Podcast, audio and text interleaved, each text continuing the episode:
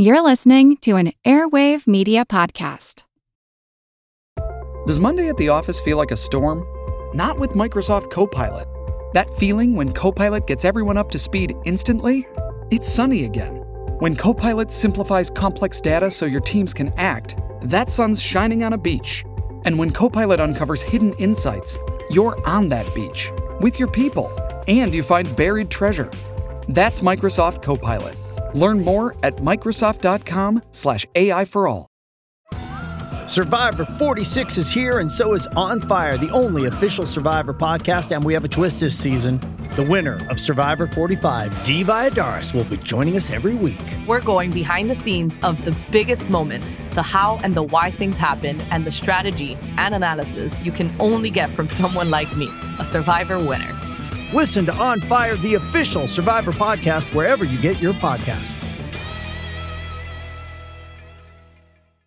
This is Kick Ass News. I'm Ben Mathis.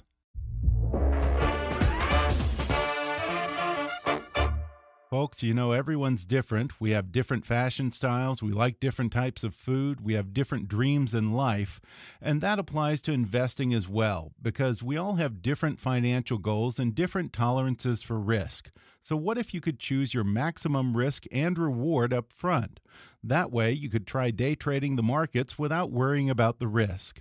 Well, luckily, you can with binary options on Nadex. Trade global stock indexes, commodities, forex, even economic numbers, all from one account and always with limited risk. See why over 100,000 members choose Nadex. Find out more at nadex.com. Trading on Nadex involves risk and may not be appropriate for all investors. And now, enjoy the podcast. Hi. I'm Ben Mathis. Welcome to Kick Ass News. On March 27, 2015, Captain Scott Kelly docked at the International Space Station. That trip wasn't his first mission to the ISS, but it would be his longest and most trying assignment, lasting a record setting 340 days in an environment that is utterly hostile to human life. For NASA, measuring the effects of a long term space voyage on Scott Kelly's mind and body was an essential stepping stone in the path toward a manned mission to Mars. For Kelly, though, it was a remarkable test of will as he persevered through the devastating physical effects of zero gravity, radiation, and high carbon dioxide levels, the isolation from everyone he loves and the comforts of Earth, the catastrophic risk of colliding with space junk or becoming untethered during a spacewalk, and the still more haunting threat of being unable to help should tragedy strike at home. He's written about his record breaking voyage in a new book appropriately titled Endurance A Year in Space, A Lifetime of Discovery. And today, Captain Kelly joins me on the podcast to talk about the experience. He shares how that year in space pushed his body to the limit and why the hardest physical test was coming home. Scott reveals how he combated boredom and homesickness and what he missed most about life on Earth. He discusses the geopolitics of a joint space mission and getting along with his Russian crewmates. He also tells me if a man can ever get tired of looking at the Earth, what space smells like, and the weird things it does to your feet. Coming up with astronaut Captain Scott Kelly in just a moment.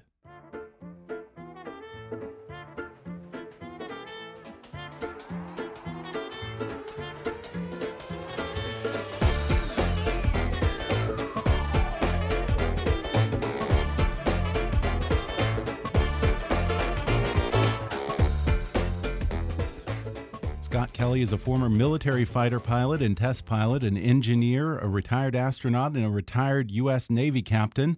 A veteran of four space flights, Kelly commanded the International Space Station on three separate expeditions, including a year long mission to the space station.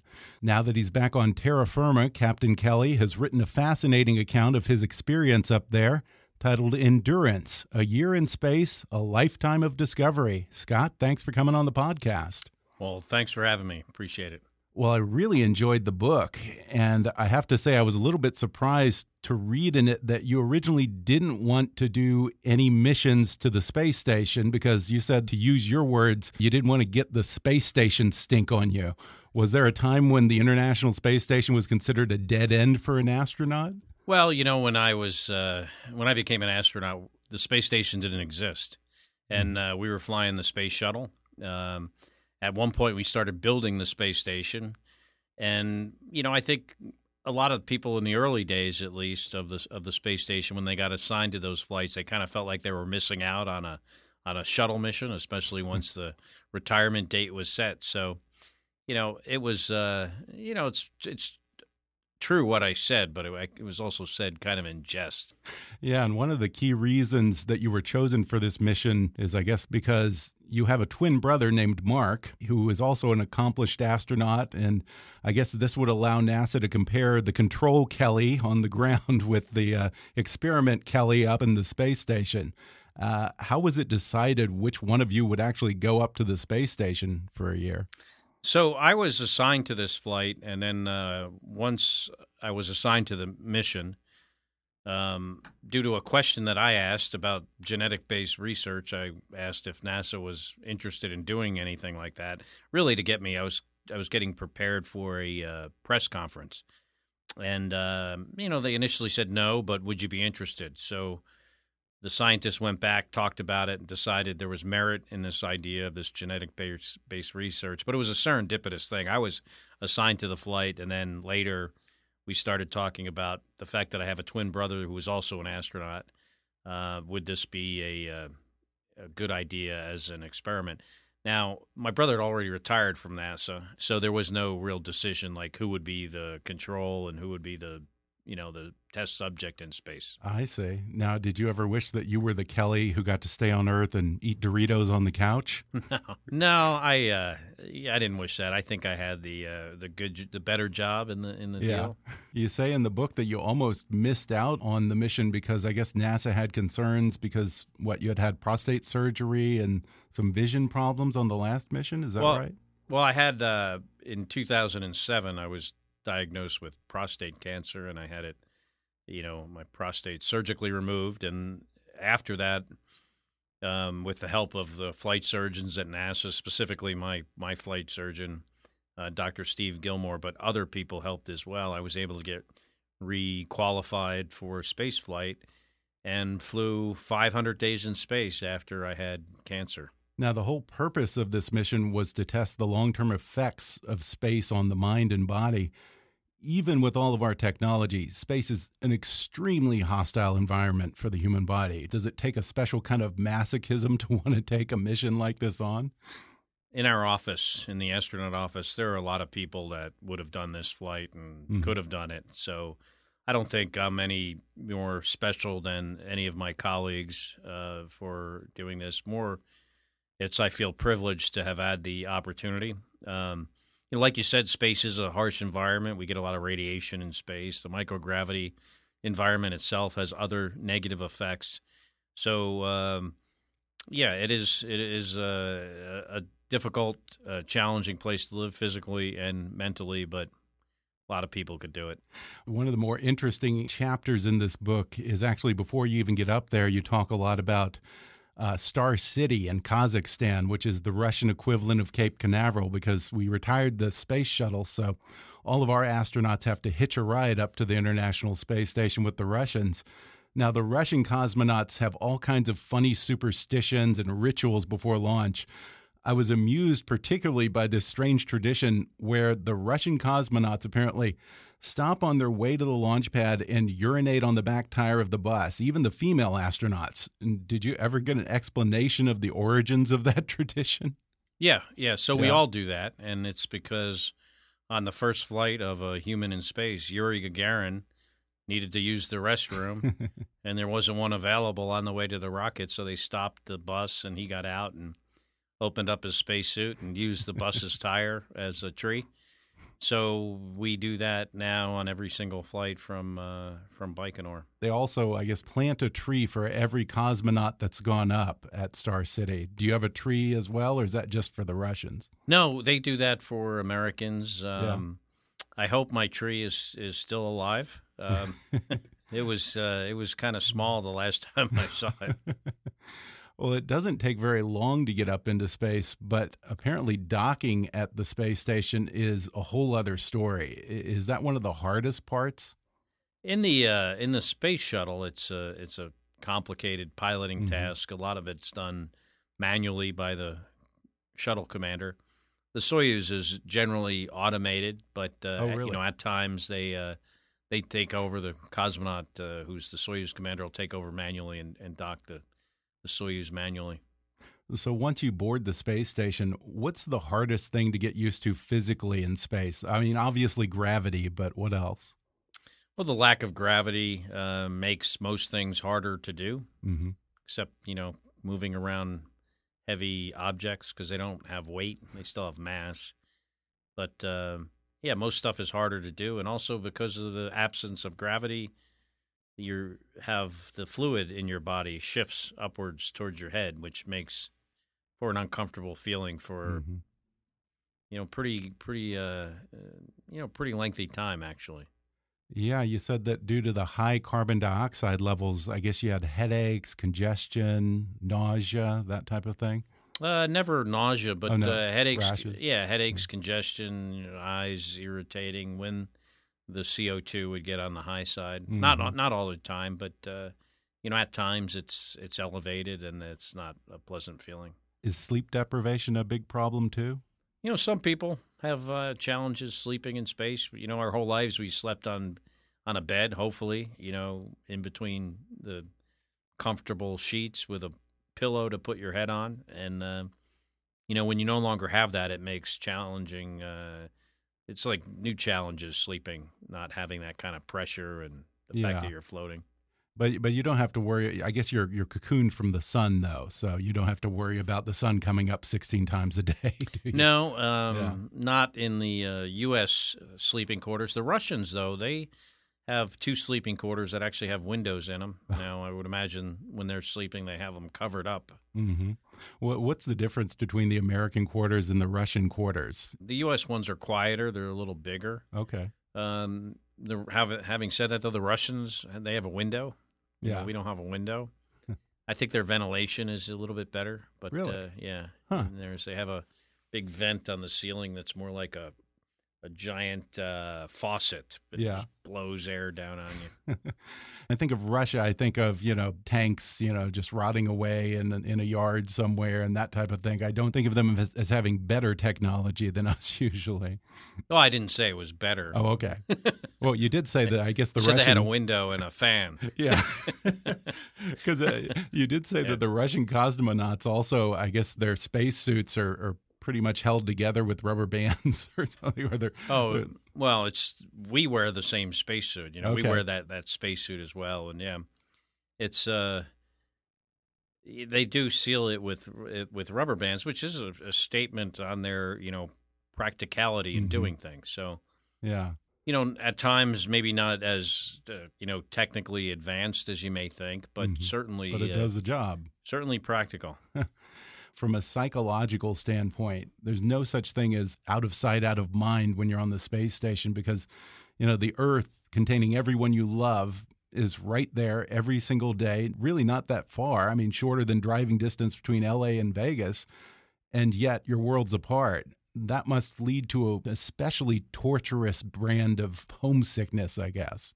Yeah, you are. Uh, you know, you're close in miles. You know, the space station is only about 250 miles above the surface, but from a um, you know conceptually, you feel much further away because you do understand you're going really, really fast, 17,500 miles an hour, and getting back to the uh, back to Earth is not only uh, a risky proposition, but it's also uh, you know very lengthy and complicated, and it's not like you can come home whenever you want. So having the Earth there with uh, everyone on it, all seven and a half billion of us, does uh, you know does give you a feeling of uh, detachment from the planet.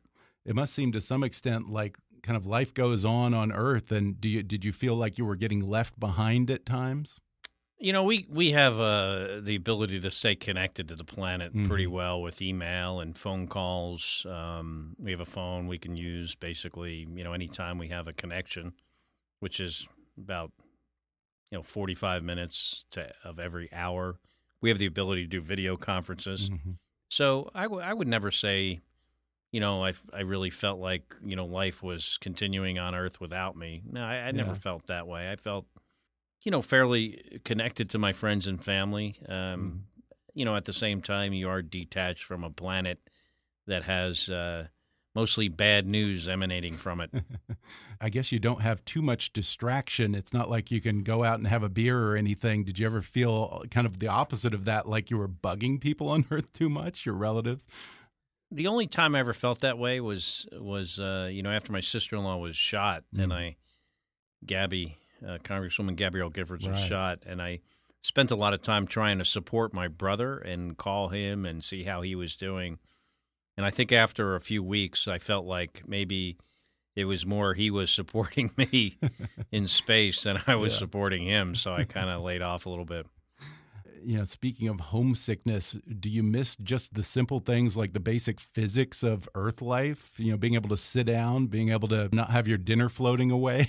Yeah, like absolutely. I mean, I I miss uh, missed sitting at a table with uh, utensils and uh, gravity assisting in uh, in the whole activity more than I did miss any kind of particular food, Mhm. as an example. So Really?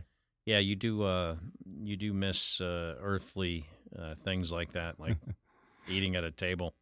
Yeah, and when you're going through all that, did you ever feel, I guess, like maybe the guys on the ground at Mission Control didn't have your back, or like they didn't have quite enough empathy for all that you were going through for them? Well, you know, first of all, it's a it's a pretty hardcore place, right? Yeah. You're uh, in this risky environment with radiation and microgravity causes some negative effects on our our physiology. There's, like you mentioned earlier, the uh, carbon dioxide that sometimes gets high.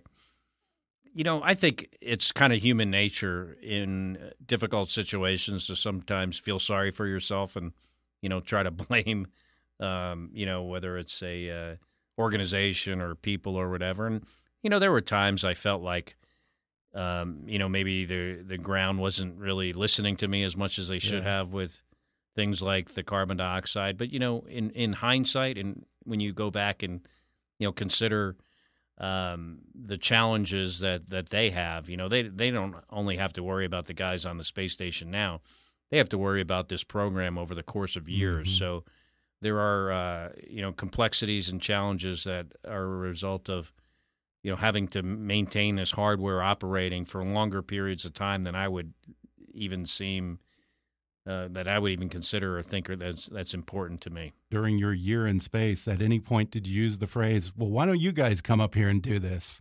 No, I never No? I never said that. And I always felt like it was a privilege to be there. So, Yeah. You know, on one hand, you know, you know, might not feel good on certain days. Uh, on the other, it's it was a privilege. And I tell those stories not to point fingers at people, but I just wanted this book to be something that one when someone read it, they could say, "Wow, you know, I really felt like I was in space with him." Mhm. Um, I feel like I understand the program better, the challenges, the goods, and the others. You know, not everything's always great, and I think to have a balanced uh, story, you have to touch on you know all aspects of it. And among the hard times that you had to deal with, at one point, I think three resupply missions got canceled, including two vessels that exploded. Were you at any point getting concerned that your resources on board were starting to dwindle? Yeah. So when we got up there, we had lost one previous to our launch uh, in the year prior. So that was that the was first the failure. SpaceX one. That was the no? orbital. Oh, uh, okay. that failed right after liftoff, Mhm. um, and then we had SpaceX, and we also had a Russian uh, Progress resupply craft. That both of those didn't make it while we were on board, while I was there with uh, you know my astronaut colleagues, and we were starting to get concerned about supplies. Uh, had we lost the next resupply spacecraft, we would have been in some Mhm. more serious issues, but fortunately it made it and we were okay. Okay, so you had stockpiles to to hold you through it, huh? Yeah, and NASA plans for that. I mean, that's part of our, our, our planning process is to plan for failure and then have uh, you know redundancy to, to, to carry us forward. What about the dynamic among your crewmates? Do you have the typical roommate problems like someone eating your food or not doing their share of the chores? You can. I mean, I was lucky in that my um, you know my fellow crew members on all my flights, I always got along with great. You know, very professional and uh, and great people, and really a privilege to fly with them. But you know, at times when you're in any kind of closed environment with people, you know, I'm sure I irritated my fellow crew members as well. So there are those kind of things that happen, but uh, you know, we we figure out how to move past them and well, because you're also dependent on each other. Oh, absolutely. You, you talk about having to cut each other's hair, and apparently yeah. even you did dental work on each other. Yeah, I never, I've never cut hair in space because you know I don't need mine cut. So right, right. There's I, no reciprocity. Yeah, that would but, be a real crappy job to have to give haircuts when you don't have hair. Yeah. What kind of dentistry did you do? I had one of my my fellow crewmates, one of his teeth fell out, so we had to glue it back in onto a post. when you're sharing close quarters with the Russian counterparts at a time when the U.S. Russian relationship was particularly tense, did you guys ever talk about politics or did events between Obama and Putin ever create friction? Never friction. Mm -hmm. uh, mm-hmm. occasionally we would talk about our country's relationships, but in this kind of a detached way, almost like, you know, the, the American astronauts and the cosmonauts were talking about the relationship between you know China and France. Mm-hmm. I mean, it, we didn't really have a personal um, stake in this conversation, um, and we wouldn't really dwell on it for a long period of time because what's important to us is our ability to work together. Our our cooperation, our ability to take care of one, one another, our ability mm-hmm. to uh, you know we're we're we're putting our lives in in our own hands in space, and that was much more than any any yeah. politics. I read that you do have concerns that Putin could retaliate for U.S. sanctions by cutting off NASA's access to the Russian space program. If he did that, I suppose it would sort of be like holding the space station hostage because we have no way of getting up there right now, right? Yeah, I mean, there's there is that concern. Um, do I think it'll happen? Probably mm-hmm. not. Mm -hmm. uh, you know, the Russian Space Agency also relies on NASA for a lot of a lot of things. We uh, provide their uh, segment of the space station with electricity, for example. We have a lot more ability to produce power. So where they, you know, provide transportation services at a cost, we also provide um, certain things that to the space station that they cannot. I don't know if this is something that you can talk about, but I wonder are there classified projects that the Russians and Americans work on separately on the space station? And do you maybe have to worry about crewmate espionage, if so? well, I can only speak for NASA, and I have never worked on a classified okay. project on the space station and I would have to refer you to the the Russian Space Agency for the second part of that okay. question, because if it was classified by definition, I wouldn't know about it. I wouldn't even know about it because it'd be yeah. their classification. Yeah. Now, how many hours of spacewalk did you do, and and what was that like? Yeah, I went outside three times. I think mm-hmm. for you know probably about twenty hours worth. Um, it's type two kind of fun type one kind of fun is the roller coaster when you're doing it and you're like, "Wee, this is fun." Type two fun is it's fun when it's done. You know, yeah. it's kind of hard. you live to tell the story. Yeah, exacting, challenging work, and you you know you might not be the uh, happiest while you're doing it, but when you're done, you're like, mm. man, that was awesome. Is there a very real fear of getting untethered and floating off to space when you're doing that? Yeah, yeah. You know, it would not be a good day if you floated away. Uh, in the U.S. spacesuits, we have a jetpack. You can fly okay. yourself back. I wouldn't want to try it. um, depending on how quickly and how f- fast you're moving away, it can be a challenge even in training to get back. But yeah, we're we're concerned with us floating away with our tools or the hardware you're mm-hmm. working on. So everything always has to be tethered, and it's very uh, yeah. uh, exacting. Yeah, you don't want to create any more space debris. No, we have enough already. Is that a big concern when you're up there? There's a I lot mean, of getting hit with space debris. The, space the station, station, yeah, the space station gets hit all the time. Really, um, you know, fortunately, we have good uh, debris shielding, so we've never had anything penetrate the hull. Mm -hmm. But it's possible. We're going to take a quick break, and then I'll be back with more with Captain Scott Kelly when we come back in just a moment.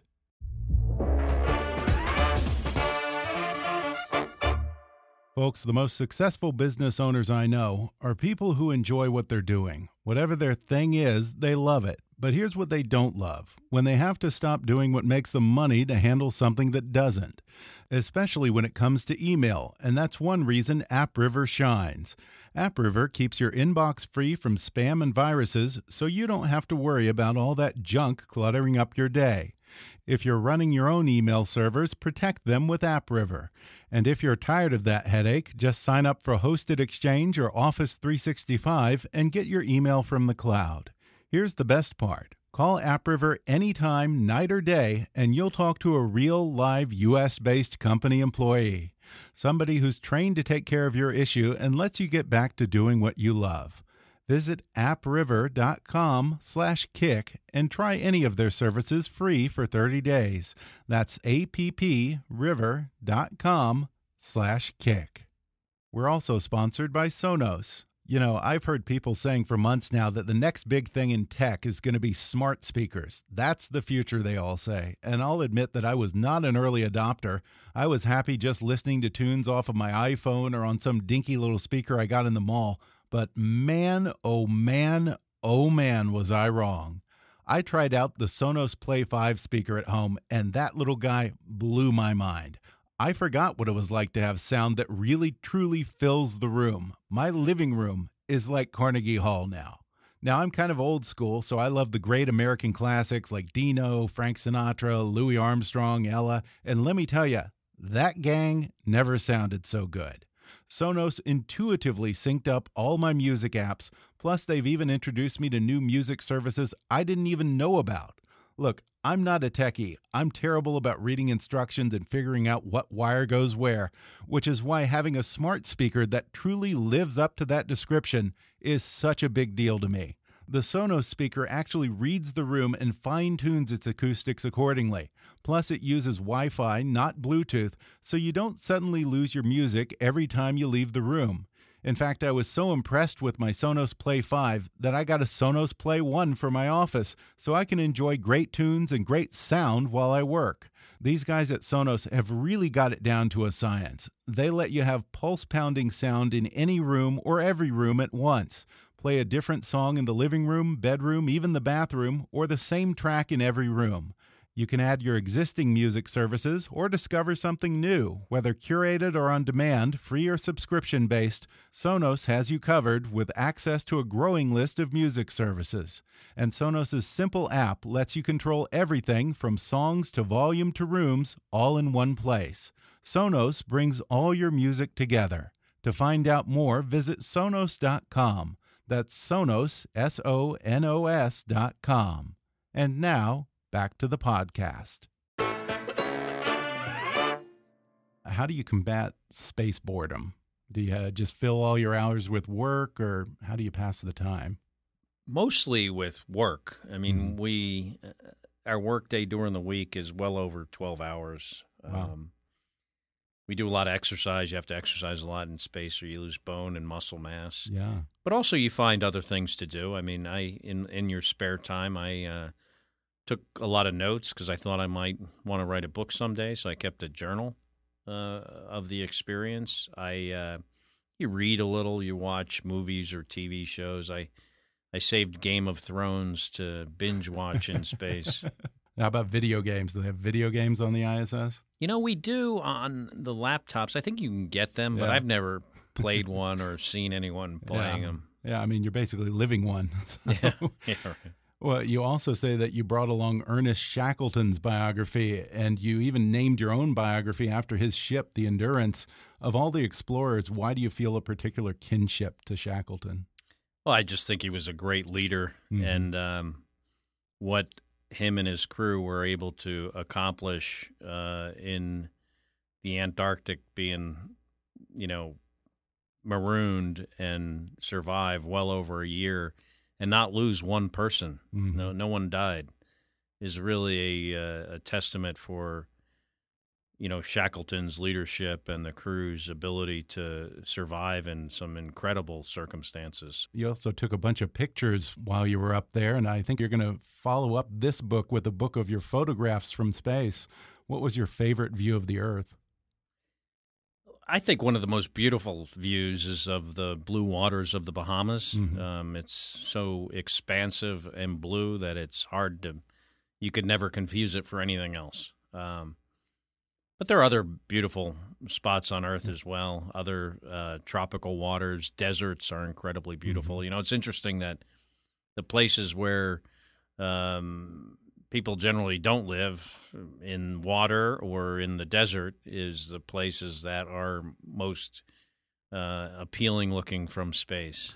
um, the you know the uh, forests don't really transmit well through the atmosphere. They don't Oh, look yeah? as as brilliant as those other places. Could you see evidence of man-made pollution from up there? Absolutely. Really? Uh, yeah, certain parts of Asia, India, um, Eastern uh, China, almost always covered in pollution. Wow.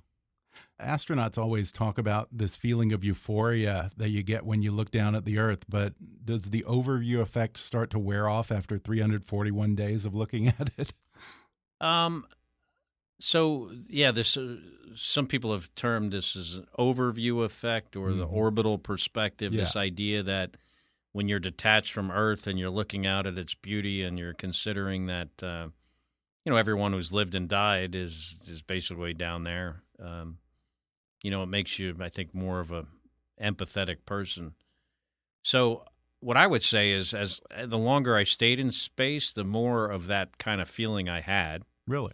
yeah that orbital perspective this change in your your feelings towards uh, you know humanity i guess would be a good way to put it but on the other hand looking at the earth for a long time Mhm. even though you appreciate its beauty you do sometimes kind of get used to the view a little bit Yeah. you, you think you may not but i, I kind of did after a while I mean, it makes sense. I mean, Yeah. you get used to anything. At a Yeah. certain point, you're like, oh, I'll look at Facebook instead. yeah let me take mona lisa off the wall and i'll put Yeah. something else up here exactly.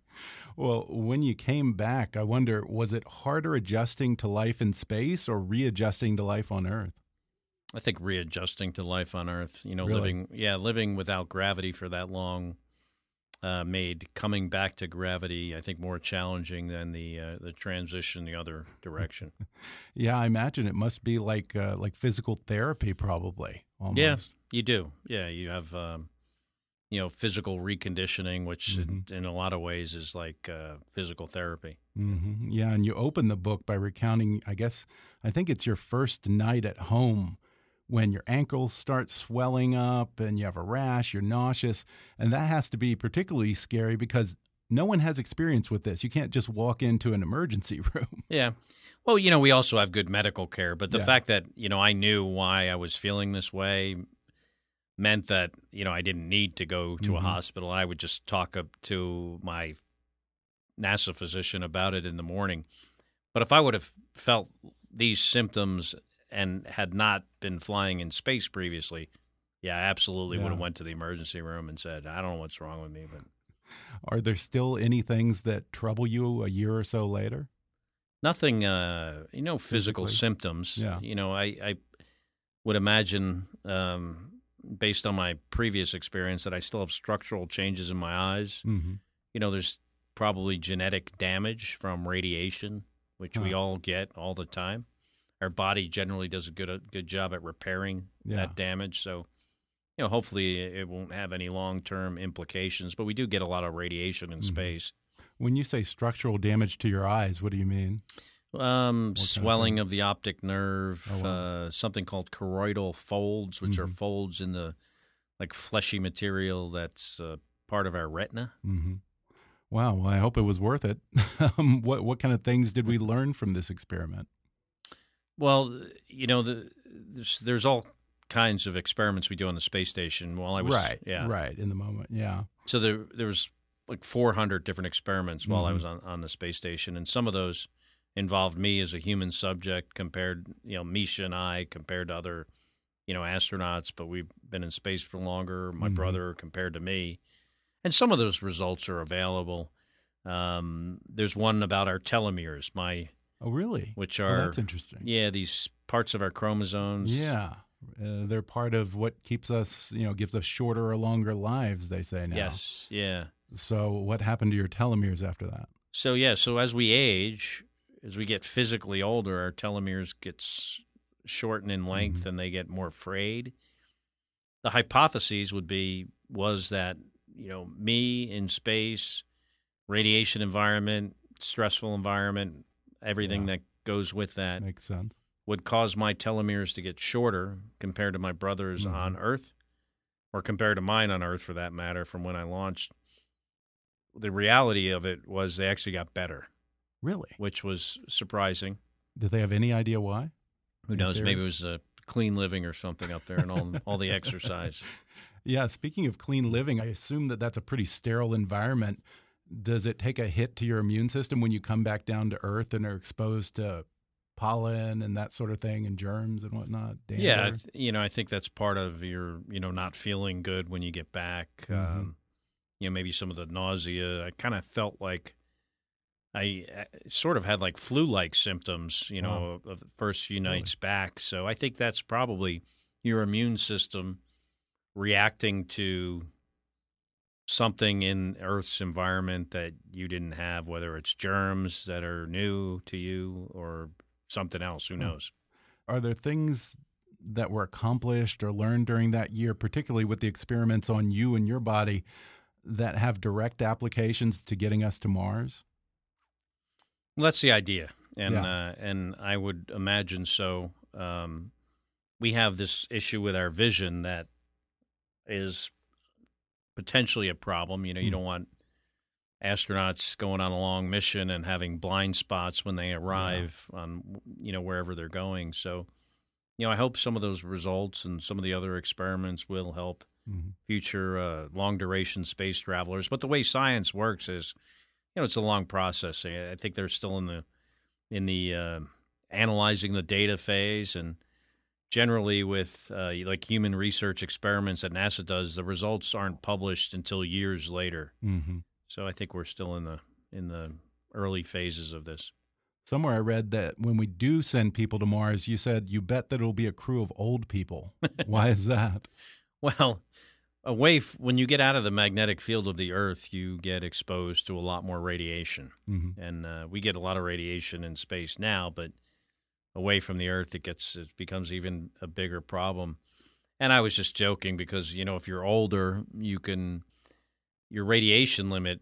This part isn't a joke. Your radiation limit is higher the older you get because you have less time to develop a fatal cancer as a result of that mm-hmm. radiation.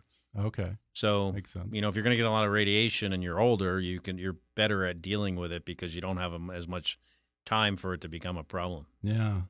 Funding runs out for the space station in 2024. Uh, what do you think should happen to it then?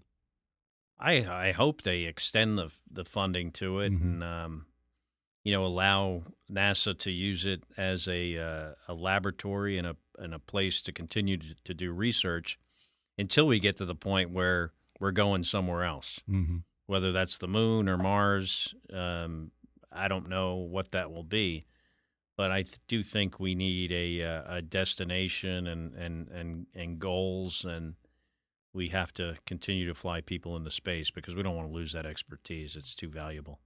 And you talk about your youth and how you were inspired by reading the book uh, The Right Stuff, but you say that you weren't a great student growing up, and yet you went on to accomplish some pretty amazing things. How do we rethink education so that we get kids like a young Scott Kelly interested in STEM subjects to get us to Mars and beyond down the road? So my experience was that it was impossible for me to pay attention Mhm. growing up. And I can remember every year at the beginning of the school year, I'd say, okay, this is a year I'm going to get my act together. I'm going to do my homework. And that lasted generally about two or three days. And then it was back to my normal um, uh, state of looking out the window or just looking at the clock, hoping that I could will it to run faster and not being able to pay attention. And I truly felt like it was impossible for me. Like if someone had a, held a gun to my head, I wouldn't have been able to do my homework hmm or pay attention to what the teacher was saying. And it wasn't until I found something that I really, really wanted to do. I wanted to do it so much, it, it required me to fix that attention problem at least enough to where I could become a better student and learn. And it's you know, thinking back on it, I'm I'm uh, I'm kind of surprised, really, how it worked out because, you know, I read a book. I decided, okay, I'm going to do this. It wasn't the easiest thing. It was probably one of the hardest things I've done. Is teach myself how to pay attention. You know, I came from a pretty significant deficit when when I started college, and to just catch up and eventually mm-hmm. become an engineering major. You know, it's it's interesting. I went from you know bad student to uh, first guy in my astronaut class, first American in my astronaut class to fly in space. That uh, took me about, uh, let me think, you know, less than 20 years, so about 17 years. Yeah, I guess it's just finding your niche, yeah. something that motivates you. Yeah, exactly. A spark really is what yeah. I needed. So, you know, to answer your question about, you know, helping kids and that might experience uh, the same kind of issues I had, you got to find what what motivates them and what their spark mm-hmm. is, and it's not just telling them that they have to pay attention because this is important. Uh, what's the thing that surprised you the most about the experience? Um, you know how long a year is. It's a really long time. Um, you know, the whole space station program and NASA has uh, surprised me in in how you know, I, I truly believe now that if we have a goal, even if it's a goal we think is impossible, but we work really, really hard at it and we're committed to it and you get the right people involved, that we can solve, you know, mm-hmm. our problems, whatever those problems are, because the space station, the hardest thing I think we've ever done. And if we can do that, we can do anything. What's one small thing or one overlooked quirk of living on the space station that probably wouldn't occur to most of us here on Earth, but maybe got your attention or maybe even amused you at some point during that year? You know, a lot of people think that um, because you float, that you would, you know, move around with your hands and you could go without legs or feet. Uh -huh. But actually, your feet become very, very important because they hold you in place when you're trying to use your hands. Huh. So to keep okay. your body stable, you have to use your you have to secure it some way, and you yeah. do that with your feet. And the longer you're up there, you know, the more comfortable you get at it, and eventually you're just holding yourself in place very subtly with your big toes, and maybe just one big toe, and how um, how important that that toe becomes to you. So much so that you get big callus on the top of it. It kind of gets on the top. Yeah, it gets pretty nasty. Um, yeah, I think you say the bottom of the feet after that long becomes like a baby's bottom. Baby. It's so soft. Yeah, ba you get baby feet. No use. Yeah, absolutely. Well, I have a listener, Joe in Chicago, wants to know what does space smell like? To me, it smells like uh, welding or maybe a sparkler on the Fourth of July, kind of like yeah. a burning metal smell. Yeah, it's um, it's sort of an appealing smell. It's very distinct. Yeah. Um, some people characterize it more as a sweet smell, like some kind of food or something, but mm. I, I think it smells more like burning metal. Uh, how about the noise? Is it noisy on there? Yeah, it's it can be noisy. Really? Um, you know, occasionally I would wear earplugs when I slept just to give my ears a, a break. But um, there's a lot of you know pump and motor and fan mm-hmm. noise uh, in the space station. Some some spots you know louder than others. Our crew quarters are relatively quiet, but still yeah. you know there's still fan noise in in there from the fan that blows. You know you need to circulate air in the in this yeah. enclosed space. Yeah, and I was interested that you said that it's uh, it's not that cramped. It no. wasn't that claustrophobic on the space station. Pretty roomy. Yeah, yeah, there's plenty of room. Mm. Soyuz is kind of small. Yeah. it's actually not kind of small. It's actually yeah. very small. Yeah. I mean, it doesn't look the Soyuz doesn't look that much different from the first rockets that we used. Yeah. It's uh it's a tiny, tiny capsule. capsule. Yeah. Now, do you think you'll ever go back up there? I'm sorry, yeah, does your girlfriend over here agree? Yeah, my fiance. She fiance. She would. Uh, I think so. Yeah, she'd probably let me go. Do you want to go?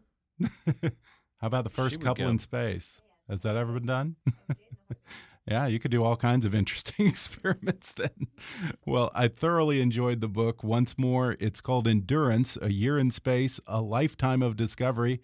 Captain Scott Kelly, thanks for joining me. Oh, my pleasure. Thanks for having me.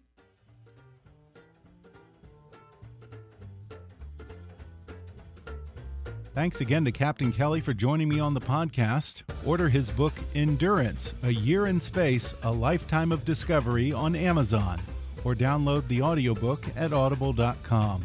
Keep up with Scott at scottkelly.com and follow him on Twitter at, at stationcdrkelly. Today's episode was sponsored by Sonos. I was just telling you about my new Sonos speakers earlier in the episode. I come home from a long day, I pick up my phone, suddenly my living room is Carnegie Hall, and old Blue Eyes never sounded so good. Now that's what a true smart speaker is supposed to be. In fact, I like them so much, I've got them in my home and my office now. Sonos lets you have pulse pounding sound in any room or every room at once. You can add your existing services or discover something new. Whether curated or on demand, free or subscription based, Sonos has you covered with a growing list of music services. Better yet, Sonos' simple app lets you control everything from songs to volume to rooms all in one place. Sonos brings all your music together. To learn more, go to Sonos.com. That's Sonos, S O N O S.com. We're also sponsored by Nadex. Imagine if you could choose your maximum risk and reward up front. That way, you could try day trading the markets without worrying about the risk. Well, luckily, you can with binary options on Nadex. Trade global stock indexes, commodities, forex, even economic numbers, all from one account and always with limited risk. See why over 100,000 members choose Nadex. Find out more at nadex.com. Trading on Nadex involves risk and may not be appropriate for all investors. Also, if you haven't already, be sure to subscribe to Kickass News on Apple Podcasts and rate and review us while you're there. And please take a moment to take our listener survey at podsurvey.com/kick so we can get to know who's listening and it's also helpful with our advertisers. Like us on Facebook and follow us on Twitter at, at KickassNewsPod. And as always, I welcome your comments, questions, and suggestions at comments at kickassnews.com. For now, though, I'm Ben Mathis, and thanks for listening to Kickass News.